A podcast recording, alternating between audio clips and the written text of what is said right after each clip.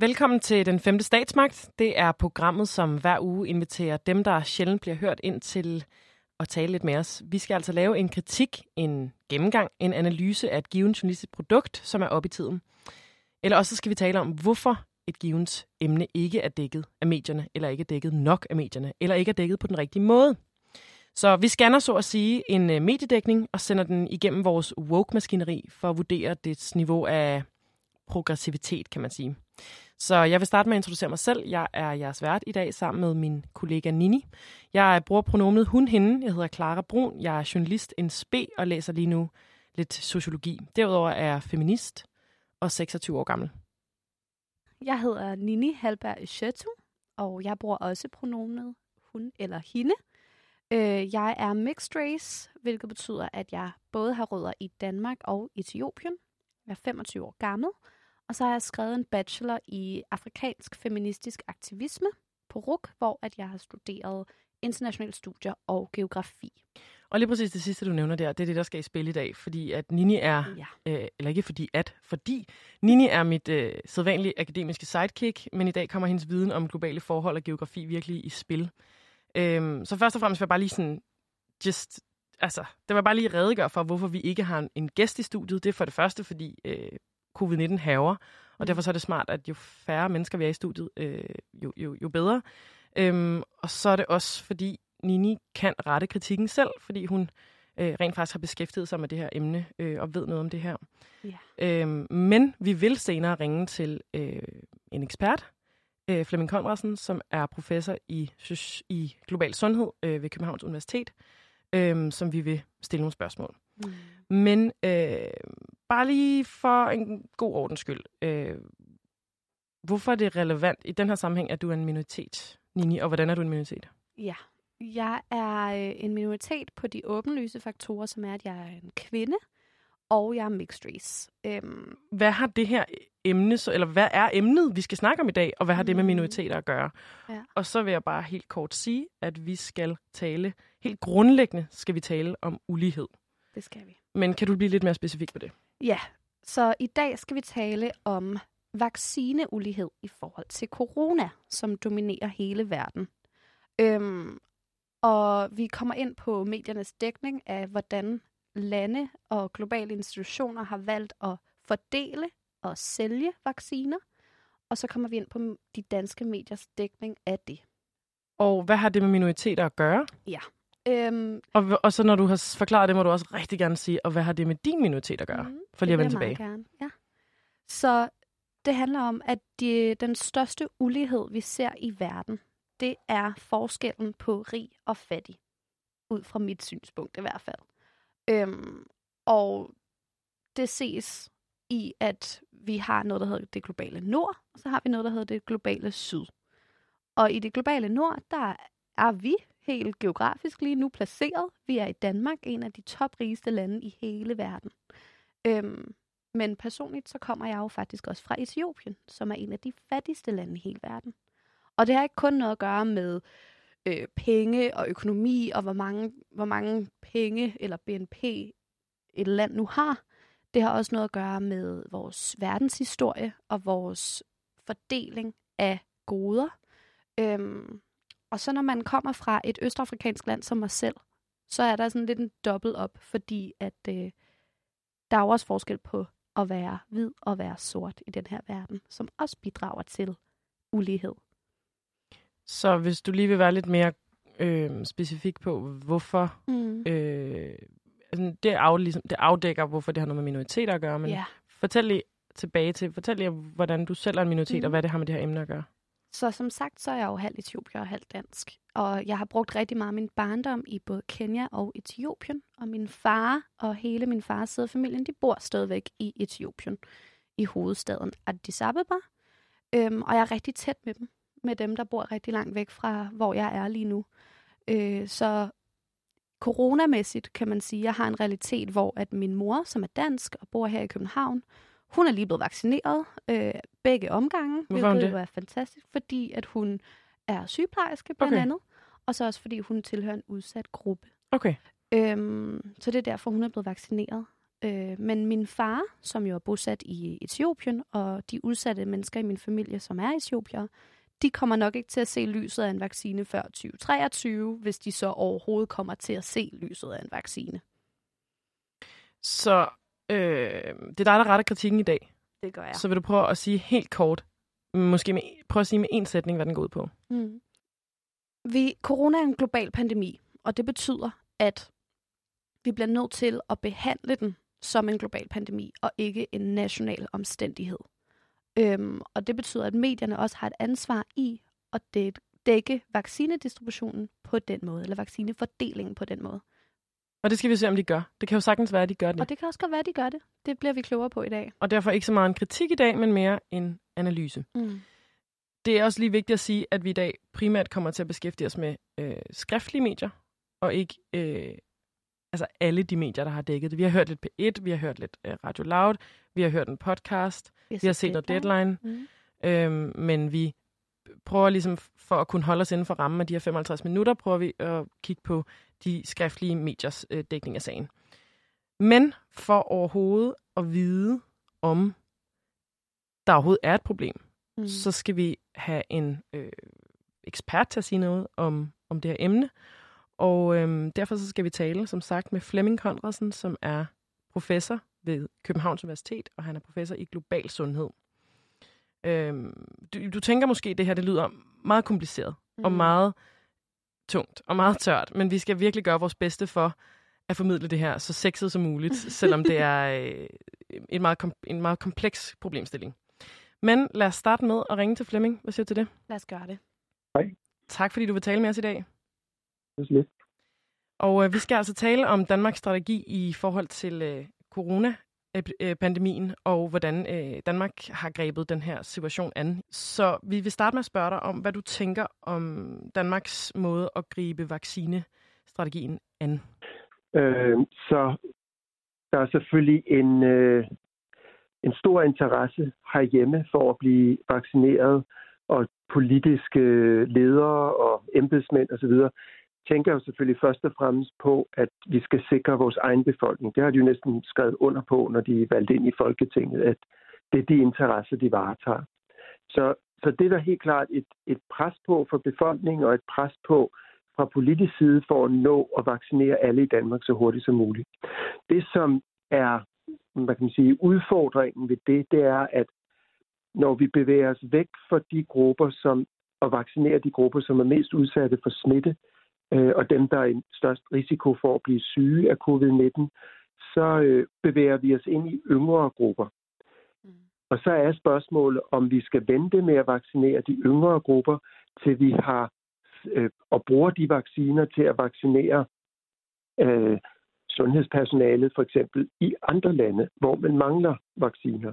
Skal Danmark aktivt støtte, at man øh, udruller vaccineprogrammer i et afrikansk land, eller Sydasien, eller Østeuropa, eller et andet sted, og for eksempel overgiver nogle af vores egne vacciner, fremtidige vaccineleverancer, til nogle andre, så de kan vaccinere deres befolkninger i risiko eller i sundhedssektoren. Det er ligesom et dilemma. Fra et sundhedsperspektiv, hvis der var så noget som en global sundhedsminister, så vil man helt sikkert gøre det sådan, at man først vil vaccinere øh, sundhedspersonalet og højrisikogrupper og måske beredskab og andre øh, folk i hele verden, før man vil begynde at vaccinere unge, friske mennesker. Ja, fordi det er vel vigtigt lige at sige, at vi i Danmark har købt cirka 25 millioner vacciner, og vi er 5,8 millioner i landet. Ja, altså under antagelse af, at de vacciner, vi har øh, bestilt, kan man sige, har fået en forkøbsret på, at de rent faktisk øh, bliver godkendt og rent faktisk kan leveres, så er det rigtigt, så er et sted mellem 3 og 25 millioner øh, mennesker kan vi faktisk dække i Danmark. Og det har man gjort, fordi man har satset på seks i hvert fald forskellige producenter af vacciner, fordi man vil jo gerne være sikker på, at en af dem virker. Og man vil også gerne være sikker på, at hvis den nu ikke virker så længe, så har vi flere på lager eller hvis en viser sig at færre bivirkninger end anden, så vil vi kunne skifte. Så det er alle mulige sådan, forsikringer, man har købt sig til. Det er bare en stor luksus for os, at vi kan gøre det. Og den luksus har mange andre lande, cirka 100 lande, ikke. Så hvordan vurderer du vores vaccinestrategi? Har vi gjort det rigtige? Ja, det vil jeg jo. Jeg vil sige, at vi har gjort det rigtige i at have en bred tilgang til indkøb af vacciner. Øh, og jeg synes, det giver, der virker som om Danmark er dygtig til at udrulle sine vacciner, få dem hurtigt administreret, som man kalder dem for hurtigt stikkende i armene, øh, når de kommer til landet. Jeg synes bare, at vi i og for sig skulle afgive nogle af vores fremtidige doser og udskyde vaccination af de øh, unge, friske. Der kan sagtens være unge, der har en underliggende sygdom, så skal de også vaccineres. Men unge, friske mennesker fra 18 til nogen af 30, giver det sådan set ikke rigtig mening at vaccinere lige nu. Så hvorfor skulle vi afgive nogle af dem? Hvad, hvad vil det være klog? Altså, hvad vil det være gunstigt Ja, altså, som tilbage til den her globale sundhedsminister, som selvfølgelig ikke mm. findes, men som i og for sig lidt ligger i Verdenssundhedsorganisationens mandat. Mm. De siger jo, at hvis vi afgiver nogle vacciner og støtter lande i, at de kan blive anvendt, altså rullet ud eller givet, så beskytter vi sundhedssektoren i de her lande. Og ved at beskytte dem, så er chancen for, at sundhedssektoren i, i et østeuropæisk, centralasiatisk, afrikansk land knækker meget mindre. Så hvis et, et sundhedssystem kommer til at lide massiv overlast i Zimbabwe eller Mali eller et eller andet land, så tænker man første omgang, det er utrolig langt væk, så kommer det mig ved. Problemet er bare, at det gør det ikke alene fra et humanitært, moralsk perspektiv, men hvis et lands sundhedssystem knækker, så får det utrolig store afledte følger, og så er det en dominoeffekt, der påvirker landets økonomi, landets sikkerhed osv. Så på den måde har det også indirekte effekter på os her i landet. Mm, lad os dykke nogle... ned i den i hvert fald, fordi det er jo en global ja. pandemi, ikke? Så jo. når vi, nu har vi snakket om det sådan på national plan, om, altså om det så var Danmark eller Zimbabwe, eller hvor det var henne. Men på et global plan eller international plan, hvad er så fordelene ved at, ved at gøre, som den hypotetiske glo- øh, globale sundhedsminister ville gøre, og vaccinere alle sundhedsinstitutioner i alle lande først? Ja, altså selvom du har ret i, det er et nationalt udgangspunkt, mm. så bliver det hurtigt internationalt, fordi økonomier er så tæt forbundet, så et land, som ikke kan klare pandemien lige meget, hvor det land ligger henne, der kan det få afledte effekter på regionen eller på global plan. Og så er der det andet spørgsmål, andet svar på jeres spørgsmål, det er, Udover de her sundhedssystemer, som kan lide skade og måske sågar knække og overbebyrdes, så hvis pandemien ikke er under kontrol alle steder, så vil vi konstant se, der udvikles nye varianter af den her nye coronavirus. Og det kan være varianter, som spredes meget hurtigt. Fordi det er så tæt forbundet, er det meget vanskeligt at forestille sig, at hvis der er en konkurrencedygtig ny variant, der springer frem, i Vestafrika eller et andet sted, så vil den meget hurtigt sprede sig. Og så er vores vaccinestrategi selv i Danmark ikke beskyttet. Så derfor giver det ikke rigtig mening, medmindre man har troen på, at vi kan bygge en meget høj mur om Danmark og lukke hmm. os selv inden tilpas længe til, at det hele er overstået. Jamen, vi lever i et globaliseret samfund, så det, så det kan vi jo ikke. Ja. Øh, men det kan så undre mig, og ja, højst sandsynligt også, øh, hvorfor Danmark så har lagt den her strategi. Kan, kan du give et, et bud på det? Jamen, det er fordi, at vi alle sammen selvfølgelig er bange, angste nærmest, mm. øh, usikre over det hele. Og vi kan jo se i alle faser af den her øh, pandemi, der har vi jo haft en tendens til at lukke os selv inde. Øh, vi vil ikke sende smitteværn til andre steder, for tænk, hvis vi skulle bruge den selv. At det er sådan lidt i den menneskelige adfærd, men mindre der kommer nogle politikere eller nogen, der kan kommunikere, at det er faktisk en temmelig ineffektiv strategi, så tror jeg lidt, vi vil blive ved med den der angstfyldte tilgang til kontrol. Det er selvfølgelig forståeligt, altså også tre omkring det her kald, og hvem der måtte lytte på, kan jo godt sætte sig ind i, at man ønsker at beskytte sin, sin medborgere, og man selvfølgelig ønsker at genoptage det gode liv, man har haft før. Og der er vaccinerne jo en del af forklaringen. Men det kan være en lidt kortfristet strategi. hvis som sagt andre lande økonomisk eller sundhedsmæssigt lider skade, eller der spredes de her varianter, som kan komme tilbage og ramme os. Så det er også et spørgsmål om tidsperspektiv, og så tror jeg, at det her angstfyldte, som fylder os alle sammen, og drømmen om, at vi jo gerne vil leve et normalt liv igen. Men for mig lyder det til, at det i hvert fald er en falsk sikkerhed, eller en kortsigtet sikkerhed, som strategien har udgangspunkt i. Det tror jeg også godt, man kan sige, det er. Det er svært at blive valgt, hvis man frem, fremfører den her strategi. Det er simpelthen vanskeligt at få opbakning til den. Fordi det kræver, at vi skal ofre noget nu for noget, der måske øh, så vil være en fordel lang tid frem i tiden. Så og det er svært det, at forholde sig til, eller hvad? Det er svært at forholde sig til, og vi tænker, der er festivaler til sommer og familiefester og tilbage til skolen. Vi vil jo investere alt i, at det sker så hurtigt som muligt. Men det kommer vi jo alligevel ikke, hvis der kommer mutationer. Nej, det, det er rigtigt, men, men hvis, hvis vi, som vi hører i mange europæiske lande, at vi kan ikke rejse det kommende England har lige meldt ud resten af 21, tror man ikke på, at der bliver så meget rejseaktivitet. Så man håber faktisk lidt på, at vi kan, eller tænker, at vi kan lukke os selv inden, og så får vi kontrol over strategien her, og så måske senere kan vi gå ud og hjælpe andre.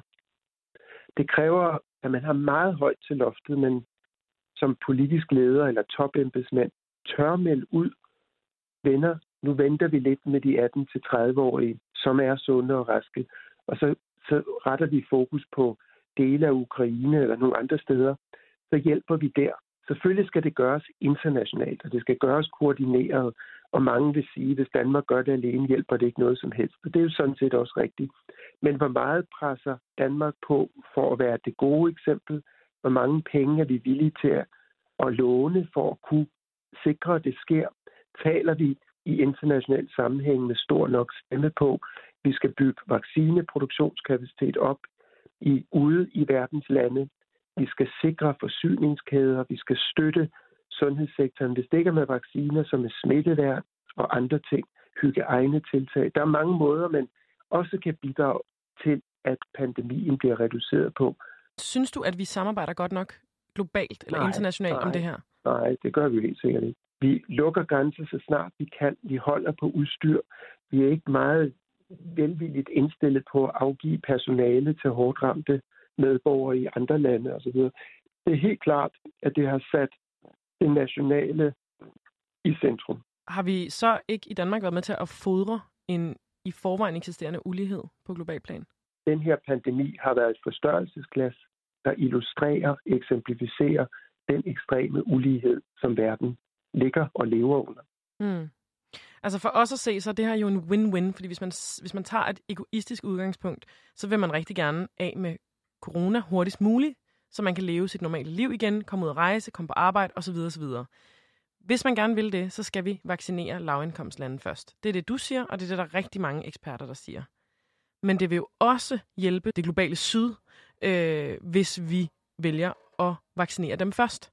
Det er så faktisk en såkaldt win-win situation at vaccinere lavindkomstlande først. Ja, jeg ved ikke, om det er først, fordi de, altså jeg er enig med dig, men det er bare for at sige, at selvfølgelig skal vi ikke undgå at vaccinere folk i Danmark.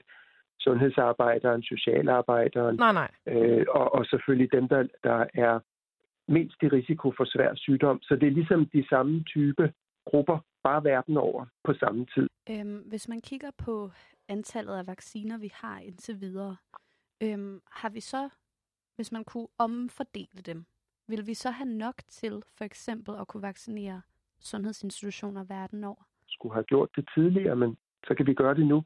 Stimulere til produktionen andre steder ved overførsel af kontanter, sådan så det ikke er nødvendigvis noget, vi afgiver over de kommende måneder, men vi investerer meget aktivt i at opbygge produktionskapacitet andre steder, forsyningskæder osv. Mm. Så er der en chance for, at vi kan nå den, de grupper, vi har talt om, i hvert fald i år. Lige for at skrue lidt tilbage, så den varsling, du kommer med, med at det vil være gunstigt for os alle sammen at have det her globale syn på at, at få vaccineret sundhedsinstitutioner og udsatte mennesker, for os at få bukt med corona, men også for at stanse mutationer for eksempel. Er det for sent? Altså, Kan vi lave en uvending ja. på vores vaccinestrategi? Kan vi lave på det? Ja, det, det vil øh, være politisk naivt af mig at sige, det kunne man. Eller, eller det kan man, men det er politisk naivt af mig at påstå, at det vil ske. Det, det kommer ikke til at ske. Og derfor har jeg også tænkt, det kommer ikke til at ske. Så må vi måske investere os ud af det ja. så hurtigt som overhovedet muligt. Det, det går ikke, at vi venter med, at alle vi her er vaccineret, og så begynder at tænke, har vi så lidt overskydende, vi kan give videre. Vi må lige nu og her betale, hvad det koster for at få produceret vacciner andre steder, som kan leveres til folk, der har hårdt brug for dem, inklusiv hele kæden, forsyningskæden osv. Og Danmark skal spille en aktiv rolle i at finansiere, at det sker. Hvis vi ikke vil afgive vores egne vacciner, synes jeg som minimum, vi kan investere i, og det er ud over vores normale bistandshjælp i, at lande akut de mest nødvendige grupper får dem. Det vi kan gøre nu, det er at sige, at vi vil lave en lille Marshallplan øh, og presse på i EU og Norden og så videre for, at nu bliver der virkelig investeret i at opbygge produktionskapacitet andre steder. Så det kan godt være, at vi ikke vil frigive dem, men så kan vi støtte, at andre kan få adgang til dem. Der er rigtig mange spørgsmål, og en af dem mest markant, det er faktisk sundhed. Det har vi altid tænkt som noget nationalt. Og det er en stor, et stort problem for vores klodisk udvikling, selvom vi er verdens sundhedsorganisation og alle mulige andre, der selvfølgelig arbejder og koordinerer og udvikler retningslinjer, så på befolkningsniveau, på vores, særligt vores politikere osv., har ikke syn for, at sundhed er meget hyppigt grænseoverskridende. Men så og det er det, der det også spiller ind her. vores chance ikke? til at lave det om. Jo, jo. Til sidst kunne jeg godt tænke mig at stille dig et spørgsmål, der handler om noget lidt andet. Og det er, øh, du ved jo rigtig meget om det her emne. Set fra dit perspektiv, hvordan synes du så, at danske medier har dækket det her? Ja, altså vi er nok mest, og det er jo ikke fordi det er unaturligt, men vi er sådan lidt fokuseret på de her daglige tal. Øh, tal, der kommer klokken to, og vi alle sammen bliver mere og mere angstfyldte. Øh, der mangler nok, at vi løfter blikket, ikke kun globalt, men også begynder at tænke på, hvordan er den her pandemi har været et tegn på, at vi ikke har været forberedt, og hvordan kan vi gøre det bedre fremadrettet er vores kommunikationsstrategi i almindelighed, har den været god, og det tror jeg ikke, den har været. Nogle ting har virket, andre har ikke. Og jeg er lidt bange for, at folk bliver simpelthen skræmte og angste. Tak fordi du har lyst til at tale med os, Flemming Conradsen. Selv tak. God dag. God dag. Og vi skal altså videre til vores egen analyse af øh, mediernes dækning af den her sag. Og som sagt, så gennemgår vi altså primært de skriftlige øh, mediers dækning af sagen. Øh, og det, som de her historier, vi har læst, overordnet har til fælles, det er det samme som øh, det, som Flemming Conradsen egentlig siger. Mm. Og det er, det peger alle sammen i samme retning, og det er, det giver mening, at både for vores egen og for verdens skyld, så giver det mening at vaccinere lavindkomstlande før, øh, at vi vaccinerer alle danskere. I hvert fald sundhedsmyndigheder og udsatte grupper. Ja, lige præcis. Altså, så selvfølgelig skal vi også selv vaccinere vores eget sundhedspersonale og vores egne udsatte grupper, men dernæst giver det ikke nødvendigvis bedst mening at vaccinere de unge osv. Så, så vi har lavet en, øh, en øh, opgørelse, opgørelse over øh, de forskellige medier og hvordan de har øh, dækket sagen. Og vi starter med en øh, artikel fra Jyllandsposten. Yes. Den er skrevet den 22. januar i år og den hedder Afrika er hårdere ramt i anden bølge af coronaepidemien. Øh, coronapandemien, selvfølgelig. Hvad tænker du om den artikel? Øhm, ja, da vi læste den igennem, så var det i hvert fald en meget stor generalisering af Afrika. Øhm, derudover så øh, så kommer kritikken i forhold til vaccinationer først allersidst i artiklen, og der har de øh, der bruger de ordet som, eller de bruger begrebet som moralsk fejltagelse.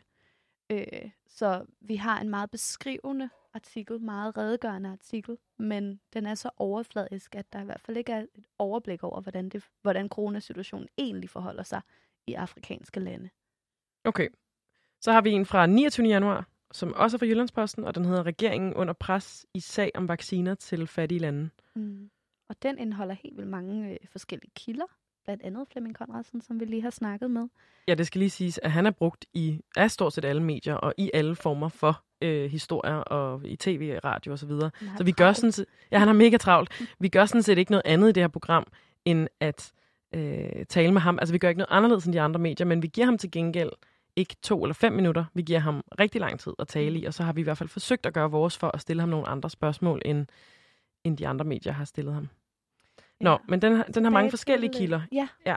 og øh, derudover så laver den et overblik over, hvor mange øh, lande, der har købt vacciner, som Flemming Conradsen har snakket om, og fordelingen deri. Øh, og der siger han blandt andet, at øh, lande som os selv og som Kanada har øh, købt fire gange så mange vacciner, eller bestilt fire gange så mange vacciner, som der egentlig er befolkning. Og det er jo rigtig fint, men artiklen presser vel ikke på i forhold til om, at give de her vacciner videre? Nej, det virker ikke som om, der er en agenda med artiklen, i hvert fald. Og altså man kan sige, vi har jo heller ikke vaccinerne endnu, men det får vi jo efter Flemming Connersens ord til sommer, øh, forhåbentlig. Nå, vi går videre til øh, Christi Dagblad, 16. januar i år. Den hedder Afrika taber kapløb om coronavaccine. Ja, og den tager udgangspunkt i Sydafrika og Tanzania. Og Sydafrika giver mening, fordi der er fundet en mutant i Sydafrika og af corona, og, øh, og tallene er rigtig slemme. Øhm, Tanzania bruger de så som eksempel på et, et afrikansk land, der afviger fra øh, den gængse diskurs, eller hvad man siger. Øh, den tanzanianske præsident har sagt, at der ikke eksisterer corona i, i landet, og så videre. Øh, men for mig at se, er det egentlig ret irrelevant øh, at male det her billede af Tanzania som et eksempel på, hvordan det foregår, hvordan corona er i Afrika, hvordan der politisk øh, i afrikanske lande bliver taget hånd om det her problem. Ja, den, bruger, altså, den taler om hele Afrika ved at tale om Tanzania. Der er stor forskel ja. på Tanzania og Mali for eksempel. Og Tanzanias øh, politiske sådan, udspil i det her er meget særskilt og meget usædvanligt på verdensplan, men så også på afrikansk plan. Og så skriver den også det her med, at, øh, at man bruger øh, lokale urter, som, som virker bedre for ja. tanzanianerne nogle steder. Og der må jeg indrømme, der grinte vi lidt, da vi læste den, fordi at vi tænkte, hold da op, hvor er det en... Øhm... Total klasse stigmatisering af et afrikansk land. Det må man nok sige, ja. Øhm, og så lægger noget ansvar over på... Altså, den snakker om, at, at det er Kinas ansvar. Den snakker i hvert fald om, at Kina øh, har taget sådan en diplomatbesøg i, rundt omkring i afrikanske lande. Øhm, og fordi at corona kommer fra, øh, fra Kina, fra Wuhan, og fordi at Kina har store investeringer i Afrika, så tænker jeg, at det er derfor, de har valgt at, ind og tage det med. Men ellers så kan jeg ikke rigtig se, hvorfor de har, de har taget det med. Ja, så nævner de så Sydafrika der til aller, aller sidst. Mm. Øhm, Lige præcis. Hvor det jo i virkeligheden er det, det, det, er det vi skal have fokus på. Nå, men så har vi politikken 29. januar, og det er en forsidehenvisning til en historie inde i avisen, der hedder Rige Landes vaccinekøb er farligt. Mm. Og den, synes, den var vi egentlig meget begejstrede for. Øh, der er en ekspert, der siger, at man kun behøver at vaccinere personer over øh, 40 eller over 50 år. Ja, det peger i retning af det, Flemming Conradsen siger. Lige præcis. Øhm, og det er på forsiden? Derudover sådan på forsiden, og det vil vi give kæmpe applaus for, øh, fordi at, som Flemming Conradsen jo også siger, så er det jo relevans for os herhjemme. Så det er jo, det er jo dybt relevant for vores egen sundhedssituation. Og økonomisk situation og alt muligt andet. Mm, øhm, den har sådan lidt et moralsk kompas, den her forsidehenvisning, hvor den snakker om vores solidaritet over for andre lande. Øhm, og dermed, at det kan være farligt for rige lande at hamstre de her vacciner, fordi at det ikke er gunstigt for os i sidste ende. Men den kommer ikke sådan helt i dybden med det. Og, men den har mange forskellige eksperter med. Det har den. Og det er skønt, at man at de alle sammen siger det samme, og ja. at de er meget forskellige, og de har en forskellig baggrund, de eksperter. Så vi får noget information som borgere. Yes. Mm. Nå, 17. januar i år, øh, politikken igen. Ja. Øh, den hedder Afrikansk epidemiolog. Den brutale vaccinekamp har afsløret en alvorlig mangel på global solidaritet. Mm. Og den var vi også ret op at køre over, den artikel. Ja, fordi at der, det, der centrerer sig i den artikel, det er øh, videnskabeligt. Det er, at øh, den forholder sig til fakta og ikke til stigma eller solidaritetsfølelser eller antagelser eller fordomme, men den belyser ligesom den her ultimative ulighed, vi har i verden, som øh, vaccinesituationen øh, er et rigtig godt eksempel på. Mm, selve vinklen er videnskabelig. Lige præcis. Øhm, den er skrevet af Lasse Danielsen i øvrigt. Øhm, og så har den en... Øh, den belyser uligheden ved at sige det der med, øh, det, der er stor forskel på, hvordan du bliver behandlet i forhold til vacciner, om du er fra Kenya eller Kærteminde. Mm. Øhm, og så har de øh, har journalisten valgt at bruge en, øh, hvis vi snakker repræsentation, en kvindelig kilde, som er øh, brun. Og det, øh, det, det jo, har vi i hvert fald ikke set nogen andre steder. Nej, og det er jo altid, når man stusser over, når man ved, at 75 procent af anvendte kilder er mænd. Øhm, ja. Så bevæger vi os videre til en artikel fra Berlingske, som er anderledes. Den er fra 16. januar i år, og den hedder Vaccinenationalisme er en del af kuren mod corona. Øhm, det er den eneste artikel, der har et økonomisk fokus. Og efter vores samtale med Flemming Konradsen, kan vi i hvert fald se, at verdensøkonomien er et kæmpe fokuspunkt, når vi snakker vaccinedistribution. Og det at komme over krisen, coronakrisen. Så øh, det var en virkelig spændende artikel at læse, synes jeg. Øhm, den anerkender, den bruger det her begreb, der hedder vaccinenationalisme. Og, øh, og det, er, det er en forklaring, eller det er i hvert fald et begreb, der forklarer det her med, at de rige, 14 rigeste lande i verden har hamstret øh, og bestilt øh, alle de vacciner, de nu kunne gøre, selvom at det måske nogle gange er fire gange så mange som deres population. Ja, og så... Øh, så... Øh, ja. øhm, den belyser i hvert fald også, at, at vaccinesituationen handler om profit, øhm, som Flemming Conradsen også var inde på. Ja. Så den var vi faktisk også glade for at have markeret med grøn mm. i vores lille farvekodning. Så har vi en artikel fra Danmarks Radio fra 5. februar i år. Den hedder Vaccineræs udløser dilemma. Skal ældre i Afrika vaccineres før unge danskere? Og den her, den er vi jo lidt splittet om. Fordi at, øh, at den allerede i titlen, der siger den, om, altså, at skal ældre i Afrika vaccineres før unge danskere? Jo, det er et godt spørgsmål. Der er også det, Flemming Conradsen øh, kommer ind på der med, jamen skal vi gøre det eller ej? Problemet er bare, at i sidste ende, så har vi jo ikke rigtig noget valg. Den, den fremstiller det som om, at det er et valg, vi skal tage stilling til, eller det er en holdning, vi skal have, hvorvidt at ældre i, i Afrika skal vaccineres før unge danskere skal. Men som Flemming Conradsen sagde, så det, der vil være mest gunstigt for os alle sammen, det er jo at vaccinere øh, sundhedsmyndigheder verden over, og det inkluderer så også udsatte grupper verden over, inklusiv ældre i Afrika.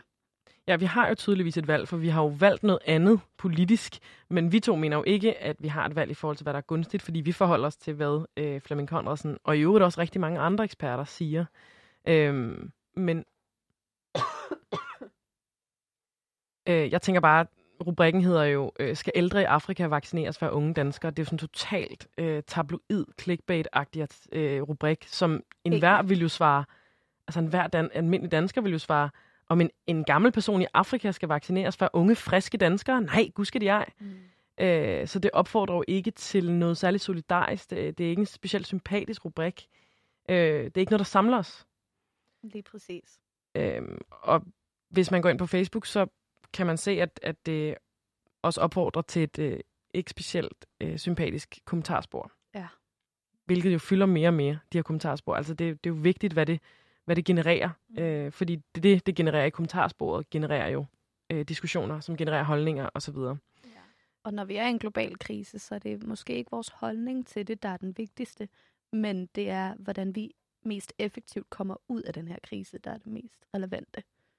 Så snakker de også om artiklen det her med, at, at skal vi vaccinere sårbare zambianere frem for sunde svensker? Igen, det vil man jo enhver almindelig dansker sige, nej, gud skal vi, vi skal da vaccinere os selv først, og Norden først.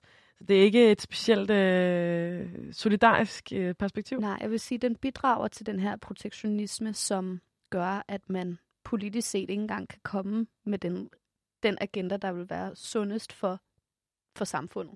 Ja, som Flemming øh, Conradsen snakker om.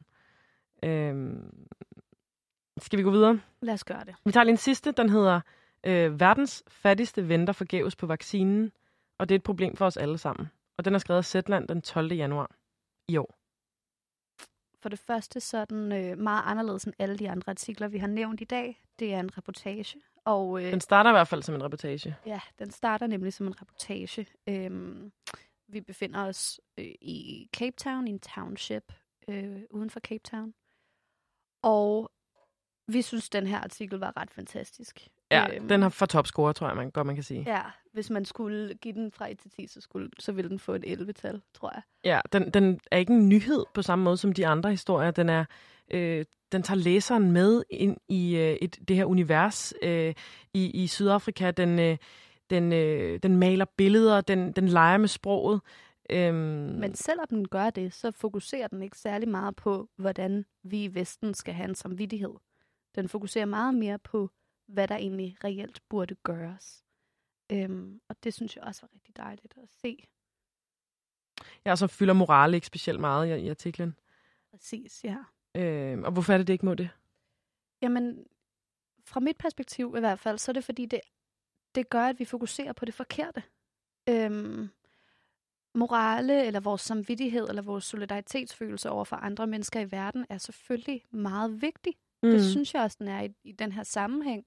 Men det er i hvert fald ikke det, der burde tage fokus, øhm, når man skal tale, eller når man skal prøve som medie at dække, hvad der vil være bedst for borgerne, eller hvad der vil være, hvad der er den rigtige, hvordan det er den rigtige måde at komme igennem en global pandemi, som vi aldrig har haft før. Så du tænker, at det her med moral, det gør, at det lyder som om, vi har et valg, og det har vi ikke?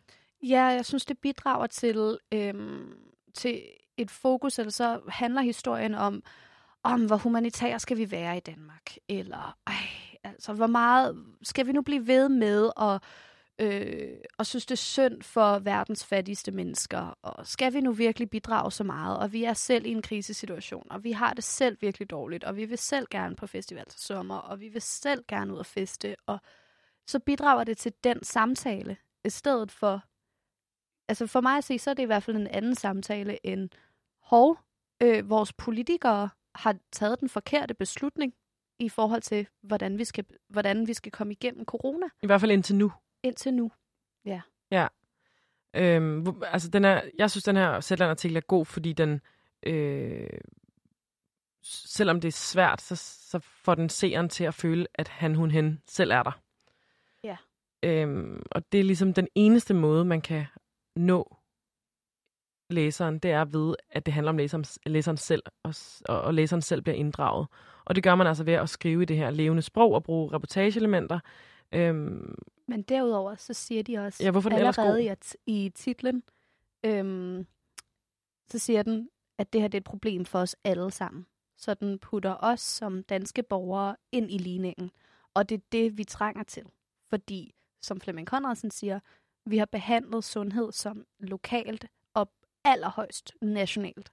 Men i det her case, så er det, så er det ikke lige så relevant at kigge på de to skalaer det er allervigtigst at kigge på den globale skala, fordi vi lever i et globaliseret samfund, hvor vi hænger sammen.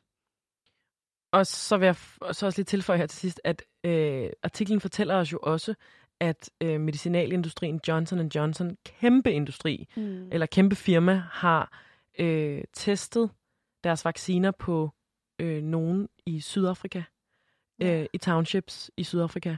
Og det er jo en, det er jo en helt historie for sig, det er det som vi slet ikke taler om i Danmark. Og det kan godt være, at man godt må. Det, det er jo ikke ulovligt. Folk vil jo frivilligt gerne have de her vacciner. Men det er jo klart, hvis det er deres eneste mulighed for at få vaccinen. Ja, der var øh, et citat fra en 42-årig kvinde, der var enlig mor til tre, som sagde, at hun gerne ville lade sig teste, øhm, fordi det var den eneste måde, hun nogensinde kunne se en vaccine eller nogensinde kunne få en vaccine. Så hun må nøjes med at blive testet på.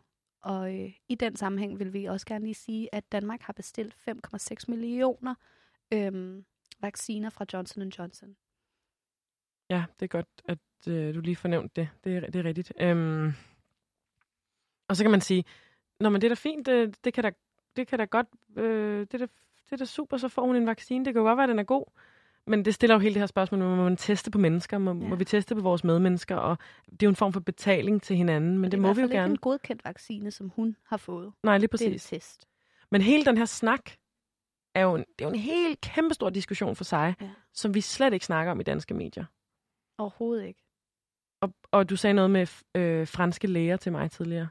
Ja, det var fordi, der var en skandale øhm, i starten af april i øh, 2020 sidste år, hvor at to franske læger øhm, havde været på National Nyhedskanal øh, og snakke om, der handlede det om, vi har jo ikke fået nogen vacciner på det her tidspunkt endnu, og de var stadigvæk i gang med at blive, øh, blive lavet og eksperimenteret med. Og der var der så to franske læger, der havde sagt, om så deres øh, plan eller deres strategi, det vil være at, at teste de her vacciner på øh, fattige mennesker i Afrika. Og det var faktisk det, de sagde. Øhm, og der var kæmpe ramaskrig i Frankrig, og det kom på internationale nyheder som BBC og Al Jazeera, at, at franske læger havde været ude at sige det. Øhm, og det var fordi, der, der var nogen, der skreg racisme. Ikke? Der var nogen, der brugte racismekortet der og sagde, det er noget, vi kan genkende historisk fra imperialismen og igennem tiderne, hvor at man øh, tester og laver, laver menneskelige eksperimenter øhm, på fattige mennesker, der i princippet ikke rigtig har et valg. Og det her ulighed kommer ind i spil. Øhm, og de her franske læger på det tidspunkt i starten af april 2020 blev nødt til at komme ud og undskylde offentligt for deres kæmpe, mm, hvad kan man sige, fejl, humanistiske fejltagelse ved at sige det. Og jeg mener også, at en af dem blev fyret på grund af det. Øh, men det er jeg lidt usikker om. Men det er i hvert fald sjovt at se i Zetland-artiklen så næsten et år efter, at Johnson Johnson har, har gjort det. Vi ved jo så ikke, hvilken fase de har gjort det i, og hvor gode øhm, de her tests af vaccinerne nu har været for den her kvinde. Men, øhm, men altså, det er der sikkert mange firmaer, der gør. Jeg, jeg ved ikke nok om ja. det. Det er der sikkert mange firmaer, der gør, men den snak skal vi også have i Danmark. Ja. Altså, ikke fordi vi nødvendigvis gør det i Danmark, men men fordi det, det er jo vanvittigt interessant. Mm. Og man kan i hvert fald snakke om det i forhold... Hvis man skulle lave en sammenligning, så kender vi alle sammen på grund af klimaforandringer, det her, vi kalder det globale fodaftryk, eller sådan vores fodaftryk. Øhm, og det kunne man også snakke om i forhold til ulighed, og i forhold til vaccinerne. Mm. At i hvert fald, når vi har, til, når vi har bestilt 5,6 millioner vacciner fra Johnson Johnson, så er vi jo indirekte med i spil. Øhm, så det du siger, det er, at vi, som vi har snakket lidt med Flemming om, øh, vi fodrer en ulighed i verden ved vores coronastrategi? Ja, eller vi bliver i hvert fald ved med at fastholde den.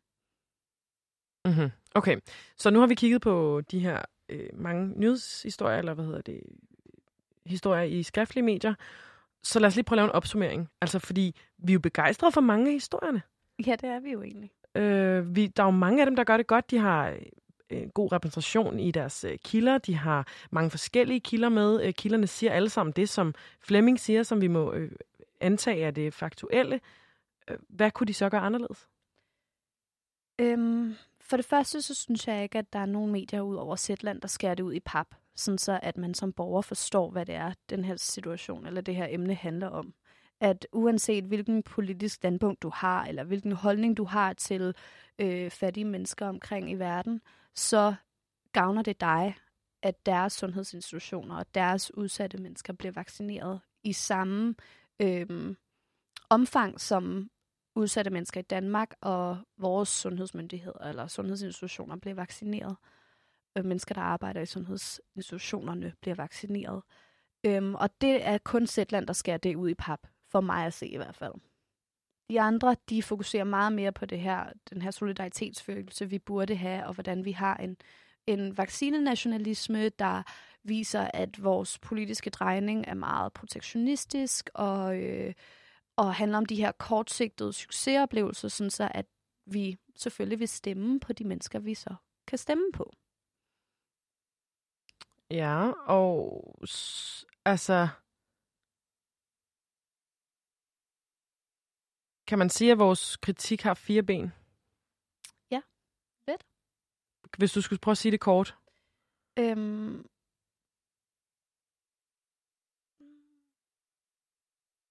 Så den første ting, det er, at vi ikke mener, at medierne skærer det ud i pap. Øhm... Og hvad er det, der skal skæres ud i pap? Det er, at vi ikke sikrer før alle er sikre. Mhm. Så at sige. Ja. At hvis hvis det her, hvis vi ikke har den her globale sundhedsminister, der vælger at tage de her valg, så vil vi bare se flere mutationer, så er det jo egentlig en falsk sikkerhed, at vi har alle de her vacciner. Øhm, og det næste ben hedder så, øh, vi bidrager til global ulighed med vores strategi. Ja. Og det tredje ben hedder så, danske medier vel ikke løfter det her op på et højere abstraktionsniveau.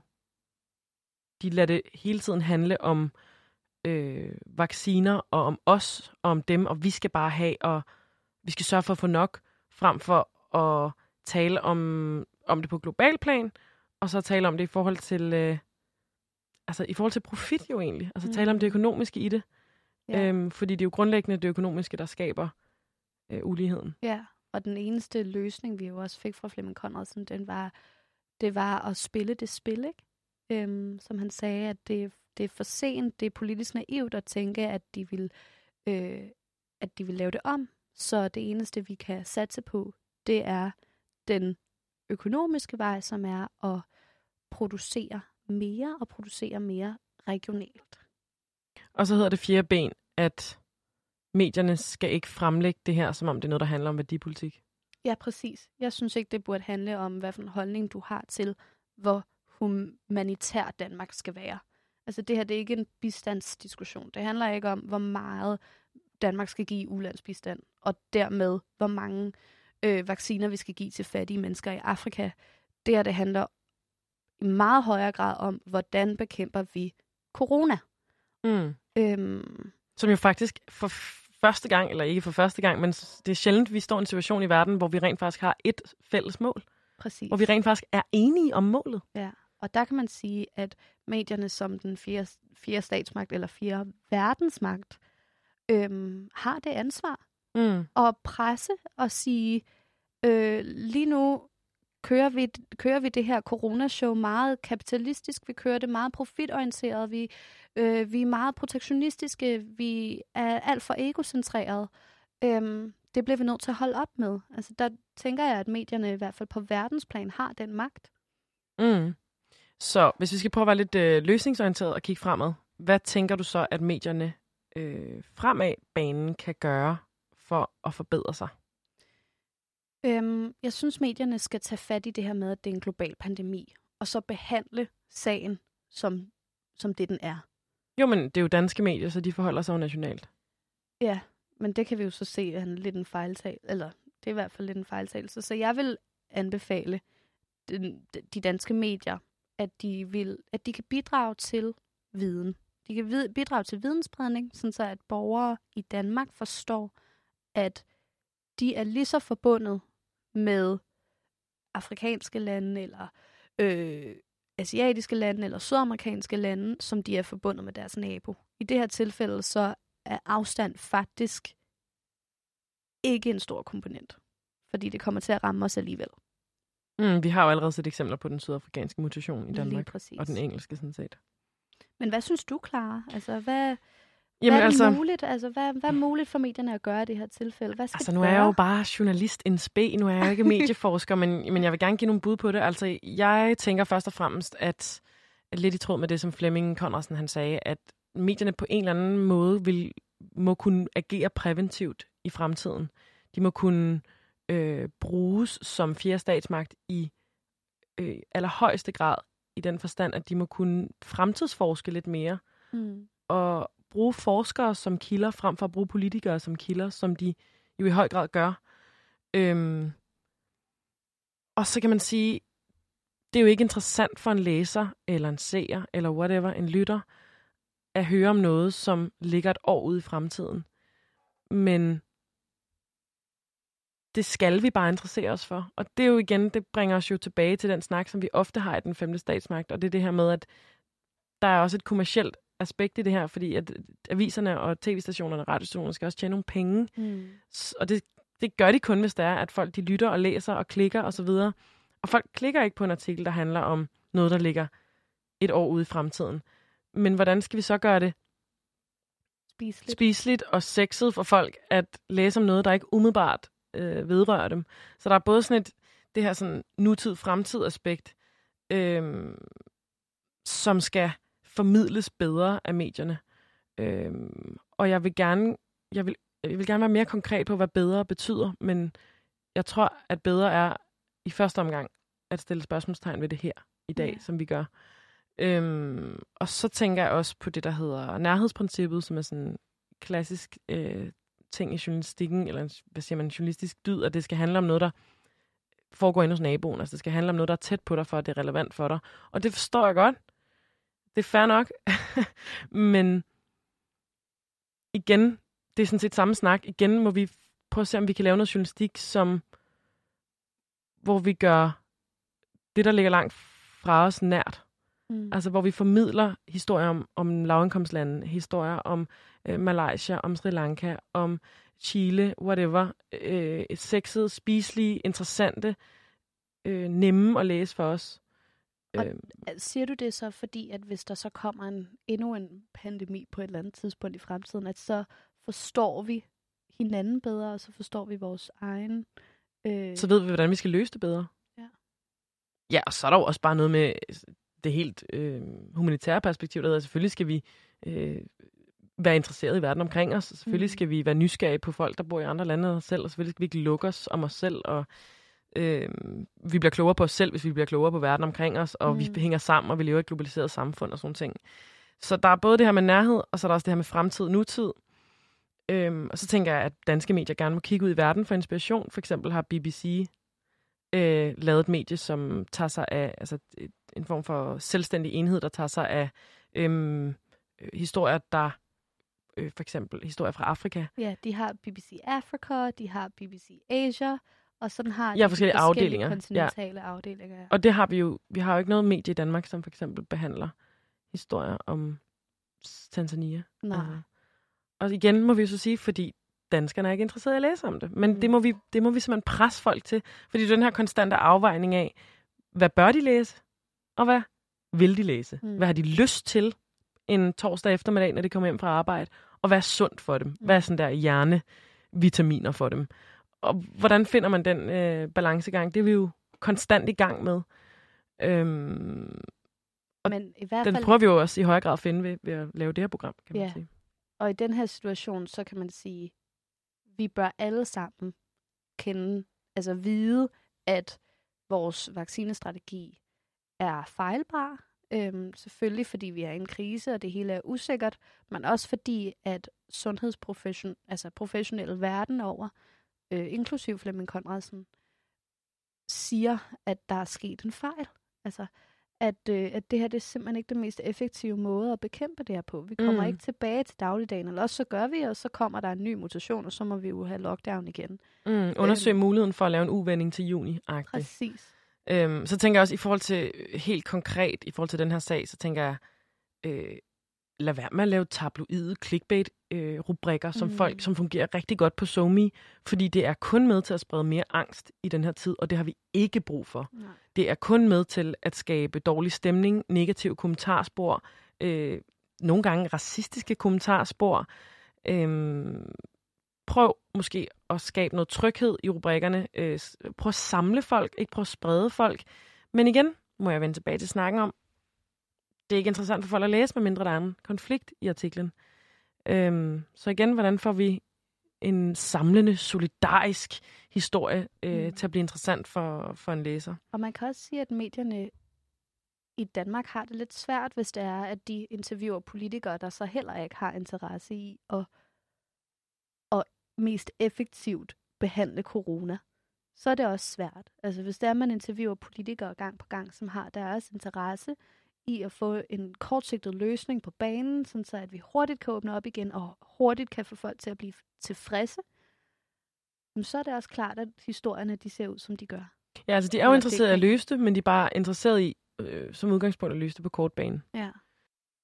Men vi skal altså til at runde af. Vi har ikke mere tid desværre, øh, så jeg vil sige tak til Flemming Konradsen, og tak fordi, at I lyttede med, og tak til dig, Nini, fordi du har lyst til at gøre mig selskab. Har du nogle øh, afsluttende ord? Øhm, ja, for at skære den ud i pap, så vil jeg gerne komme med et citat fra præsidenten af Rwanda, der hedder Paul Kagame. Og han sagde, indtil Afrika får de vacciner, vacciner, de behøver, så vil hele verden lide. Og det er altså sagens kerne for os i hvert fald. Og hele hans kritik af vaccinestrategien øh, på, på verdensplan, kan man læse øh, i en artikel på The Guardian. Mm. Vi håber, du er blevet en lille smule klogere. Det er vi nemlig. Vi hedder Den Femte Statsmagt. Vi lyttes ved næste lørdag kl. 11.